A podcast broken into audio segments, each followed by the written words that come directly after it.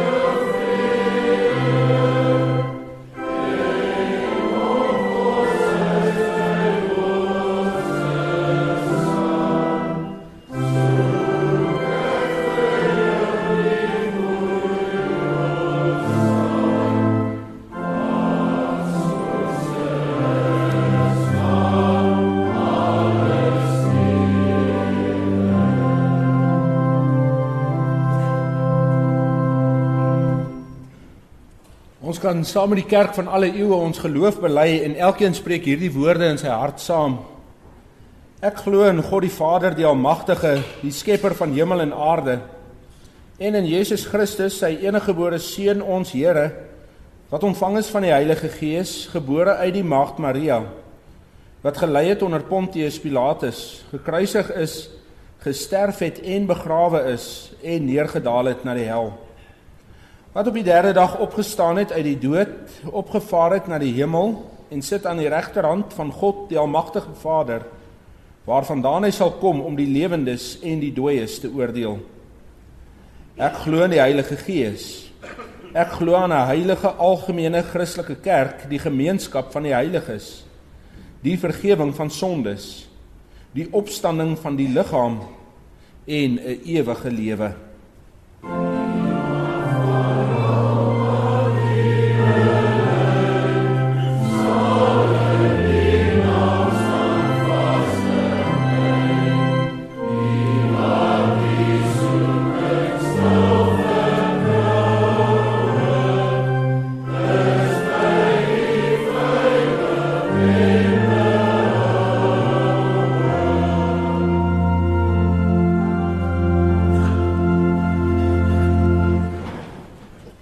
Broers en susters, nadat ons die wet van die Here gehoor het sing ons van Psalm 25 vers 1, 2 en ook vers 6. Ons luister na die wet van die Here soos dit vir ons afgekondig is in Eksodus hoofstuk 20. Toe het God al hierdie woorde gespreek en gesê: Ek is die Here jou God wat jou uit Egipte land uit die slawehuis uitgelei het. Jy mag geen ander gode voor my aangesig hê nie. Jy mag vir jou geen gesneede beeld of enige gelykenis maak van wat bo in die hemel is of van wat onder op die aarde is of van wat in die waters onder die aarde is nie. Jy mag jou voor hulle nie neerbuig en hulle nie dien nie, want ek, die Here jou God, is die jaloerse God wat die misdaad van die vaders besoek aan die kinders, aan die derde en aan die vierde geslag van die wat my haat.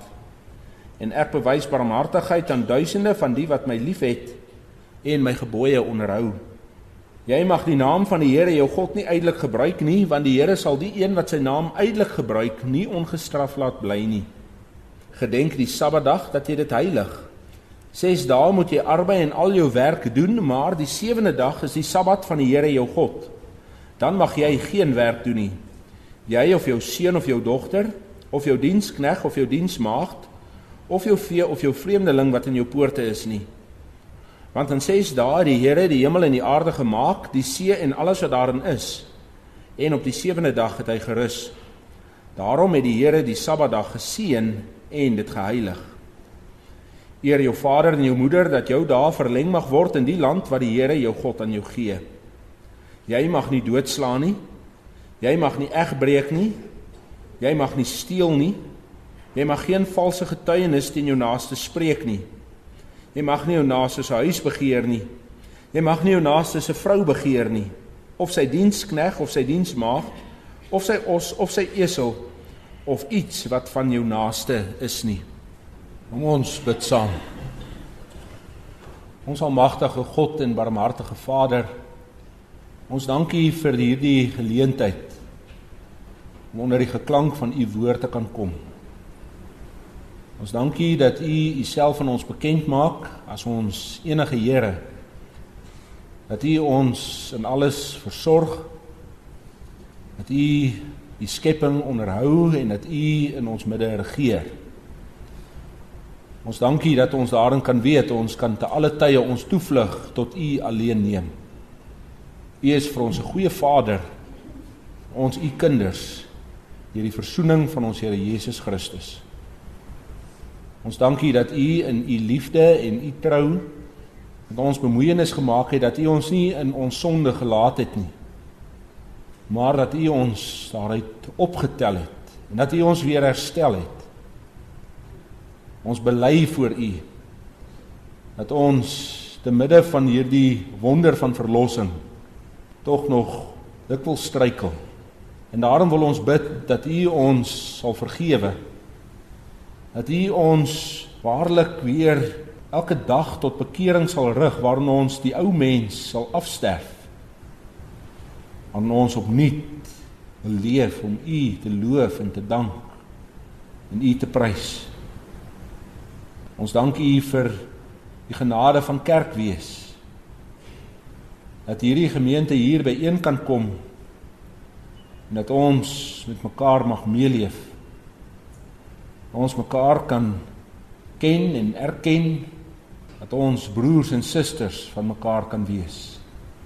Vader ons wil bid dat U ons as gemeente sal seën nie net hier plaaslik nie maar oral waar U evangelie verkondig word, oral waar U kerk byeenkom.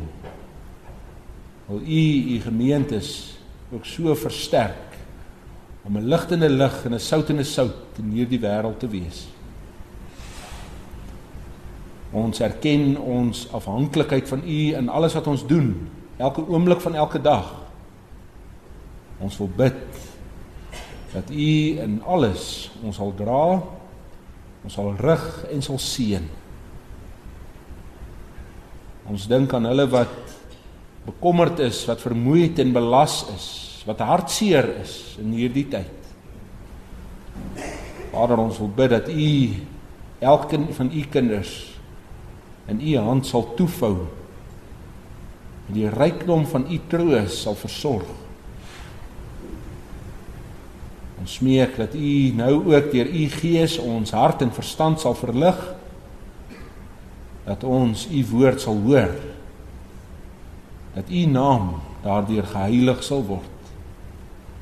Dit bid ons om Christus ontwil. Amen.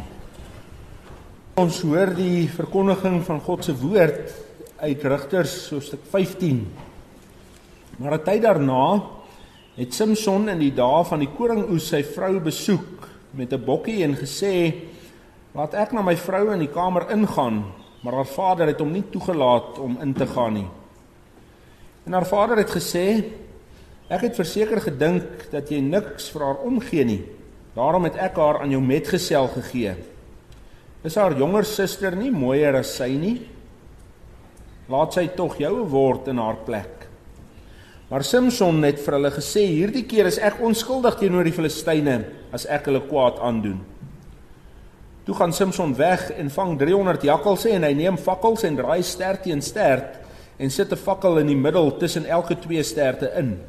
En hy steek die fakkels aan die brand en los hulle in die ongesnyde graan van die Filistyne. En hy het die miede sowel as die ongesnyde graan en die wingerde en die olyfbome aan die brand gesteek. Toe vra die Filistyne: "Wie het dit gedoen?" En hulle sê Samson, die skoonseun van die Timniet, omdat die sy vrou geneem en haar aan sy metgesel gegee het. En die Filistyne het opgetrek en haar en haar vader se huis met vuur verbrand. Daarop sê Samson vir hulle: "As julle so maak, sal ek sekerlik nie rus voordat ek my op julle gewreek het nie." En hy het hulle lendelam geslaan, 'n groot slag En hy het afgegaan en gebly in die rotskloof van Etam. Toe trek die Filistyne nader en hulle slaan laar op in Juda en sprei hulle self uit by Legie. En die manne van Juda vra: "Waarom het julle teen ons opgetrek?" En hulle sê: "Ons het opgetrek om Samson te bind, om aan hom te doen soos hy aan ons gedoen het." Daarop trek 3000 man uit Juda af na die rotskloof van Etam en vra vir Samson: Weet jy nie dat die Filistyne oor ons heers nie? En wat het jy nou ons aangedoen? En hy sê aan hulle, soos hulle aan my gedoen het, so het ek aan hulle gedoen. Toe sê hulle vir hom, ons het afgekom om jou te bind, om jou oor te gee in die hand van die Filistyne. En Samson sê aan hulle, sweer vir my dat julle nie self op my sal aanval nie. En hulle antwoord hom, nee. Ons sal jou net vasbind en oorgee in hulle hand maar doodmaak sal ons jou stellig nie. Daarop bind hulle hom vas met twee nuwe toue en bring hom op uit die rots. Toe hy by Legie kom, juig die Filistyne hom tegemoet, maar die gees van die Here het onvaardig geword en die toue wat aan sy arms was, het geword soos linnedrade wat in die vuur brand en sy bande het versmelt van sy hande af. En hy het 'n vars eselskakebeen gevind en sy hand uitgesteek en dit geneem en daar 1000 man mee verslaan. En Samson het gesê met 'n eselskakebeen het ek 1000 man verslaan. En toe hy klaar gespreek het, gooi hy die kakebeen uit sy hand en noem die plek Kakebeenshoogte. Daarop kry hy baie dors en roep die Here aan en sê: "U het deur die hand van u knegg hierdie groot verlossing gegee. En moet ek nou van dors sterwe en in die hand van die onbesnedenis val?" Toe kloof God die holte wat by Legie is en daar kom water uit. En hy het gedrink en sy gees het teruggekom en hy het weer opgelewe. Daarom noem hulle dit Roepersfontein wat vandag nog by Legie is. En hy het Israel gerig in die dae van die Filistyne 20 jaar lank. Ons teksvers vers 12. Toe sê hulle vir hom: Ons het afgekom om jou te bind om jou oor te gee in die hand van die Filistyne. Dit is te verstaane dat Samson nie 'n gewilde man onder die Filistyne was nie. Ja, nadat hy die 30 manne doodgemaak het om hulle stelle klere vir die volksgenote te gee, is dit vir ons seker duidelik. Ja, ons het al gesien dat dit is die begin van God se verlossingswerk onder sy volk. Hy wil hulle onder die oorheersing van die Filistyne uitneem. En of Samson nou gewild is onder die vyand, of nie, moet ons verstaan dat dit gaan hier oor God wat aan die werk is. Ja, so sien ons na hierdie episode wat in Rigters 14 vir ons vertel word, trek Samson terug na sy ouerhuis. Dit is egter duidelik hy het nie 'n skeybrief van sy vrou gegee nie. En daarom na 'n verloop van tyd gaan hy tog terug na haar toe. Hy wil haar steeds opeis as sy vrou. Maar haar vader het hom reeds aan die strooijonker gegee. Nou het Samson weer en nog meer rede teen die Filistyne. Nou kan hy weer en weer in opstand kom. Ja, en die reeks gebeure na hierdie besluit wys oor ons juis hoe die Here weer met sy volk handel. En hoe hy ondanks die volgehoue terugkeer nog steeds sy volk uit die hand van die Filistyne wil verlos. Ja broeders en susters, te midde van ons sondigheid, te midde van ons terughinkering na die sonde, bewerk die Here steeds wonderbaarlike verlossing. In Christus ontvang ons dit. In hierdie gedeelte van die geskiedenis kom daar nog 'n aspek by waar die fokus voorheen hoofsaaklik op Samson en die Filistyne geval het, sien ons nou Juda ook toetree. Israel. Die volk van God reageer op die verlossingswerk. En in Rigters 15 word dit vir ons vertel. So waar ons weer stil staan by die lewe van Samson, kan ons sien dat God as koning sy verlossingsplan deurvoer te midde van ons sondige verwerping.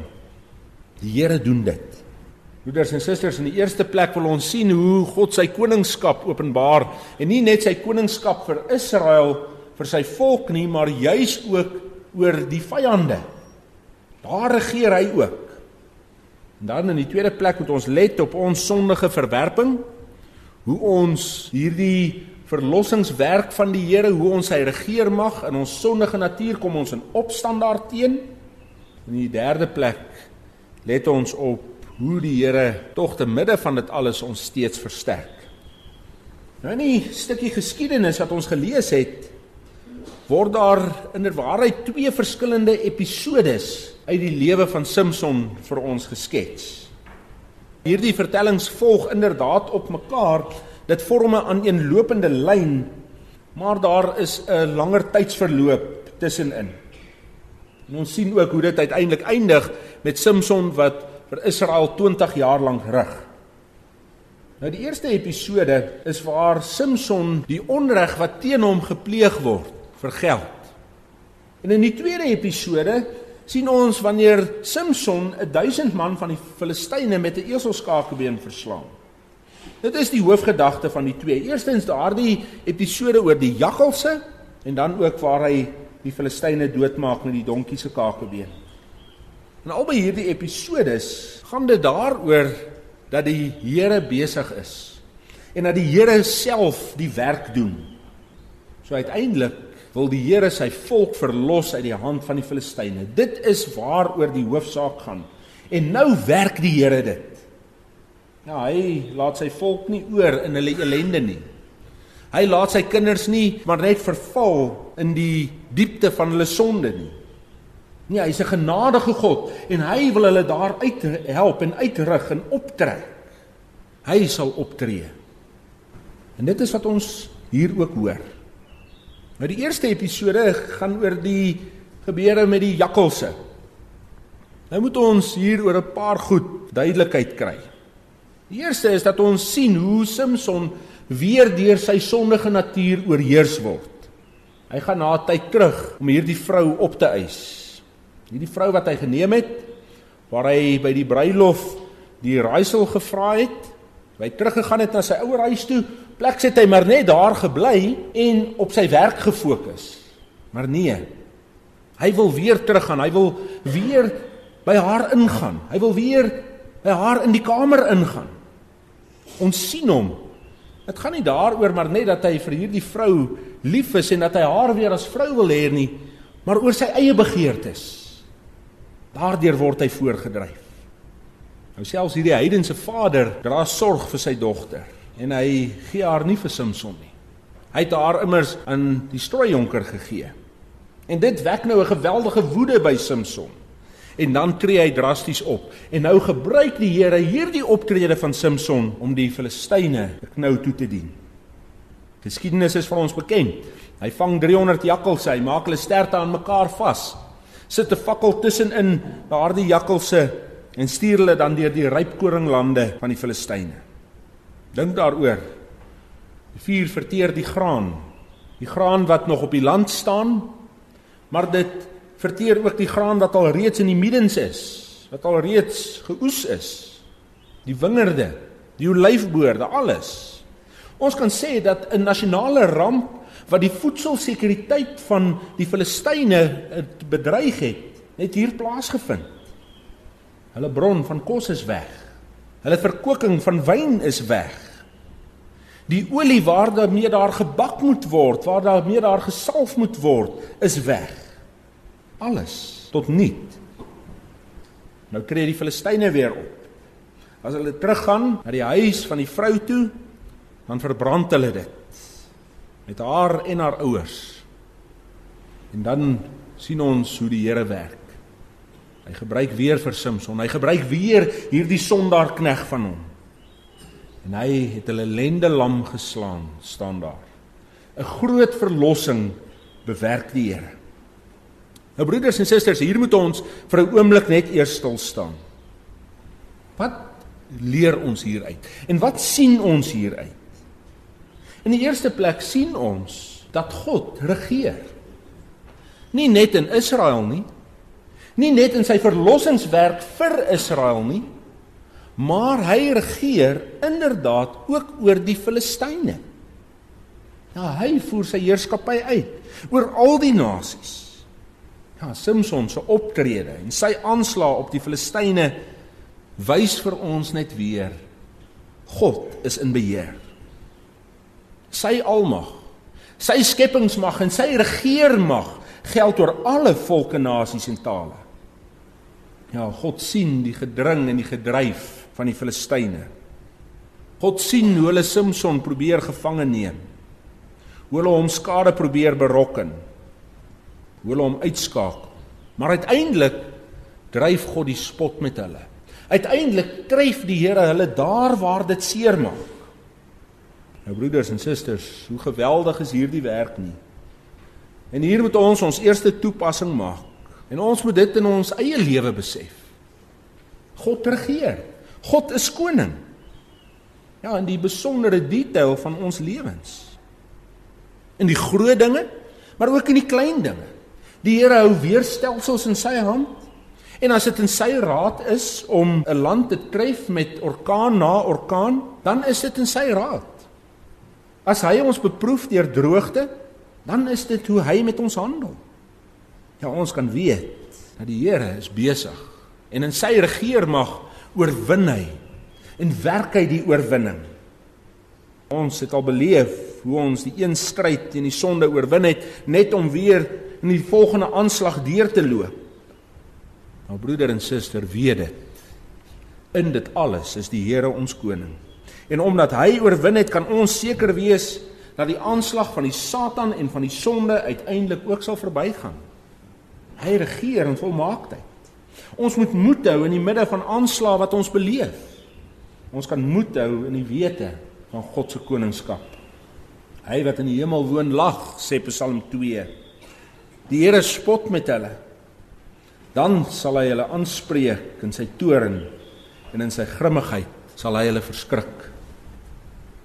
En dan tog, te midde van hierdie sekerheid wat Israel en ons uit die regeermag van God kan put, uit die koningskap van God, word ons getref deur 'n geweldige tragedie. Ja, teenoor hierdie koningskap van die Here sien ons menslike onsekerheid en angs. Ons staan verstom by die lees van hierdie geskiedenis. Samson gaan man alleen. Hy vernietig die Filistyne se oes Hy slaan hulle lende lam. Nou natuurlik sal die Filistyne probeer om hierdie man nou gevange te neem. Hierdie Nasireer van God uit die weg te ry. Hulle trek op tot in die grondgebied van Juda. Hulle sprei hulle uit by Legie. En dan is die aanvoeling maar hulle is swaar getref. Dit is nou die tyd om hierdie juk af te gooi van die Filistyne. En dan vir die eerste maal in die vertelling dan tree Israel as karakter na vore. Hulle stuur 'n afvaardiging en hulle vra maar hoekom trek die Filistyne teen ons op? Wat is die rede vir hierdie geveg? En dan sê hulle maar hulle is op soek na Samson. En broeders en susters, skokkend. As hulle dit hoor, dan tree Juda op. Maar nie om saam met Samson te veg nie. Nie om nou hierdie strategiese plan uit te werk en om die verlossing deur te voer nie. Maar nee. Hulle sal vir Samson oorgee. Hulle gaan hom toe met 'n verwyte. Weet jy nie dat die Filistyne oor ons heers nie? Hoekom maak jy moeilikheid? Hoekom gee jy hulle aanstoot? Hulle neem 3000 manskappe. 3000 manskappe wat 'n sterk leer is. Nie om die Filistyne aan te val nie, maar om een van hulle eie broers uit te lewer. Die leeuwe stryers uit die stam van Juda wil nie toetree tot die stryd nie, maar wil eerder rustig bly onder die heerskappy van die Filistyne. Nou waaroor gaan dit hier? Liefde broeder en suster, dit gaan hier oor die mens en sy sondige natuur. Die mens en sy sondige natuur is verslaaf aan die verdrukking van sonde. Die geskiedenis van Israel is vir ons hierin duidelik. Toe hulle verlos is uit Egipte land op pad na die beloofde land. Sion en Og is verslaan. Hulle het die wonderwerke van die Here gesien. Vir 10 plaae is Egipte getref. Maar tog verlang hulle terug. Dit was vir ons beter om slawe te wees. Die volgende greep uit die geskiedenis van Israel is net so duidelik. Na die ballingskap. Toe die ballingskap plaasgevind het en Kores stuur die die Jode terug na hulle grondgebied, het hulle nie soos een man opgetrek nie. Die grootste deel van die volk het agtergebly. Dit het te gemaklik geraak. Ons hoor hier in iets van die hoofpriester Kajafas as hy oor Christus sê: Dis beter dat een man vir die hele volk sterf. Dit is beter dat ons maar rustig bly in die onderdrukking wat daar is. En beter dat een man tot niet gaan. En hier sien ons vir Samson. Hy is as die tipe van Christus. Die een man wat vir die volk moet sterf.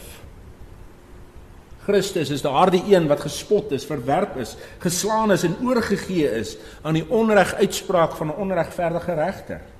Dit alles ter wille van ons. Die verlossing is daar, die oorwinning is daar. Maar dan moet ons na onsself kyk. Dan moet ons onsself en ons sonde sien. Want ons tree ook dikwels op hierdie manier op. Ons sal maar eerder stil bly ter wille van die vrede Ons sal maar eerder niks sê nie en nie die reg van God soek nie. En dan word dit nog erger. Ons sal die een wat dan dit waag om iets te sê, hom vinnig stil maak en sê: "Nee nee, moenie aanstoot gee nie. Moenie die wêreld vir ons moeilik maak nie." Hoeveel keer gebeur dit nie, broeder en suster, dat ons eerder 'n valse rustigheid verkies onder die juk van sonde as wat ons wil toetree tot die stryd en daardie sonde wil oorwin. Dat ons daardie juk wil afgooi. Ons moet onsself dit afvra. Hoekom is daar in hierdie land met soveel Christene soveel onreg? Korrupsie, moord, verkrachtings.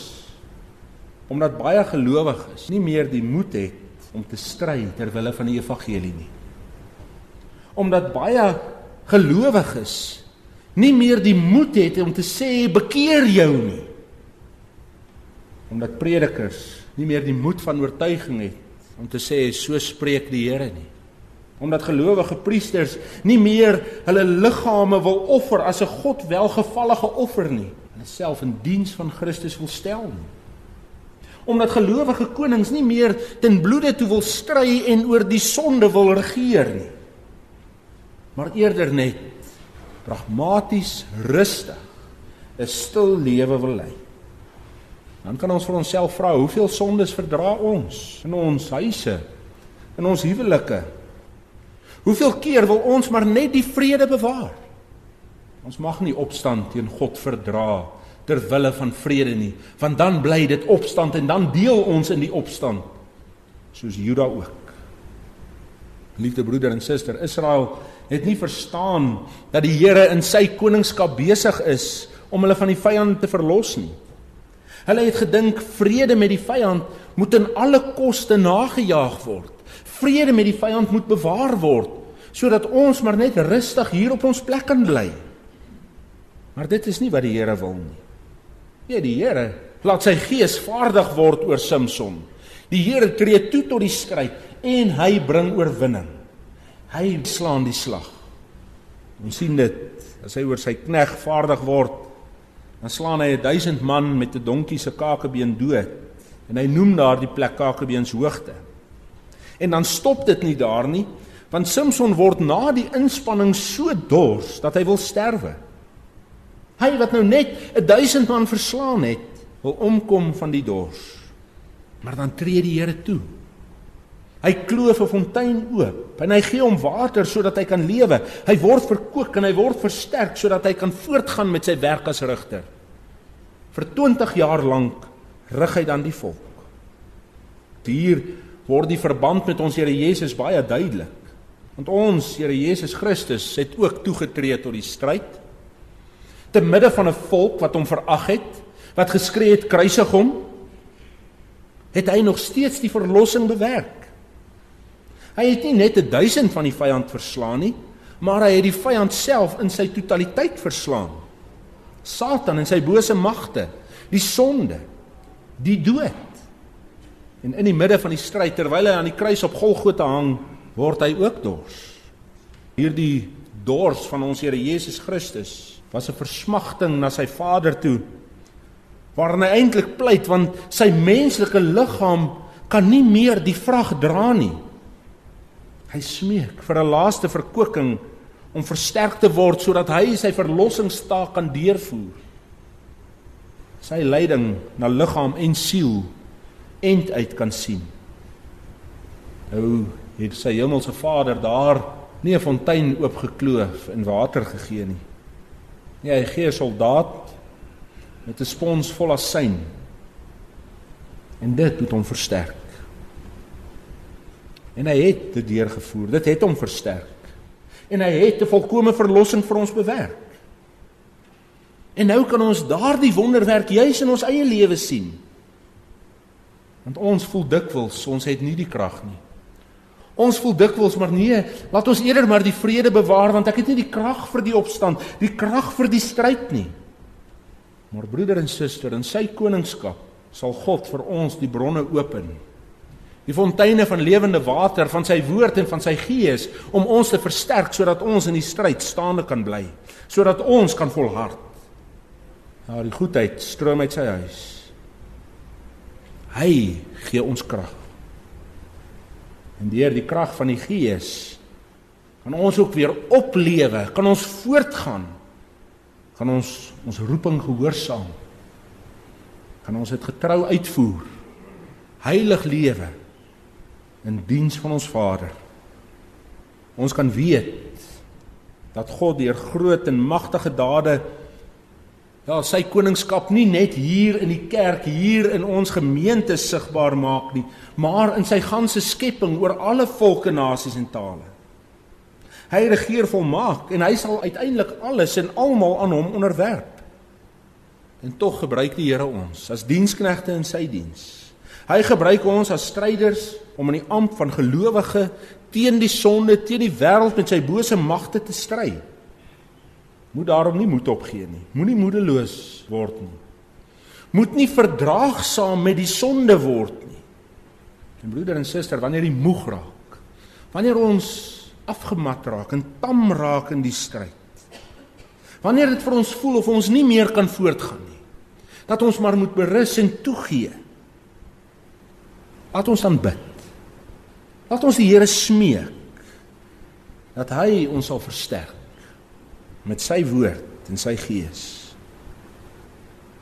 God is getrou. Die Here is getrou in alles wat hy doen. Aan hom is gegee alle mag in die hemel en op die aarde en ons is meer as oorwinnaars deur hom wat ons die krag gegee het. En omdat hy ons versterk, kan ons weet die jonges word moeg en mat, Die jong manne struikel selfs, maar die wat op die Here wag, kry nuwe krag. Hulle vaar op met vleuels soos die van arende. Hulle hardloop en word nie moeg nie. Hulle wandel en hulle word nie mat nie. Amen. Kom ons dank saam. Ons almagtige God en barmhartige Vader, hoe heerlik wonderbaarlik is u werke. Dat u te midde van 'n sondige wêreld, 'n gefalle wêreld steeds regeer. Dat u u koningskap uitvoer. Ons dankie dat ons daarin u liefde, u trou en u Vader sorg kan sien en dat ons kan weet ondanks ons eie swakheid, ondanks ons eie vervallenheid, is u steeds met ons en by ons. Ons dankie U vir die verlossing wat daar in ons Here Jesus Christus vir ons gegee is. Vader, ons wil bid dat U ons ook deur U woord en deur U Gees sal versterk. Dat ons in die stryd sal staande bly. Dat ons die reg sal doen en dat ons U sal verheerlik. Dat ons sal leef om U te eer. Dat ons ons roepingstaak as gelowige kinders hier in ons dorp en ons land sal uitleef dat dit sal dien tot u eer en u verheerliking dat u koningskap sal sigbaar word in ons lewe dit bid ons om Jesus Christus ontwil amen. Ons sing saam van Psalm 68 vers 12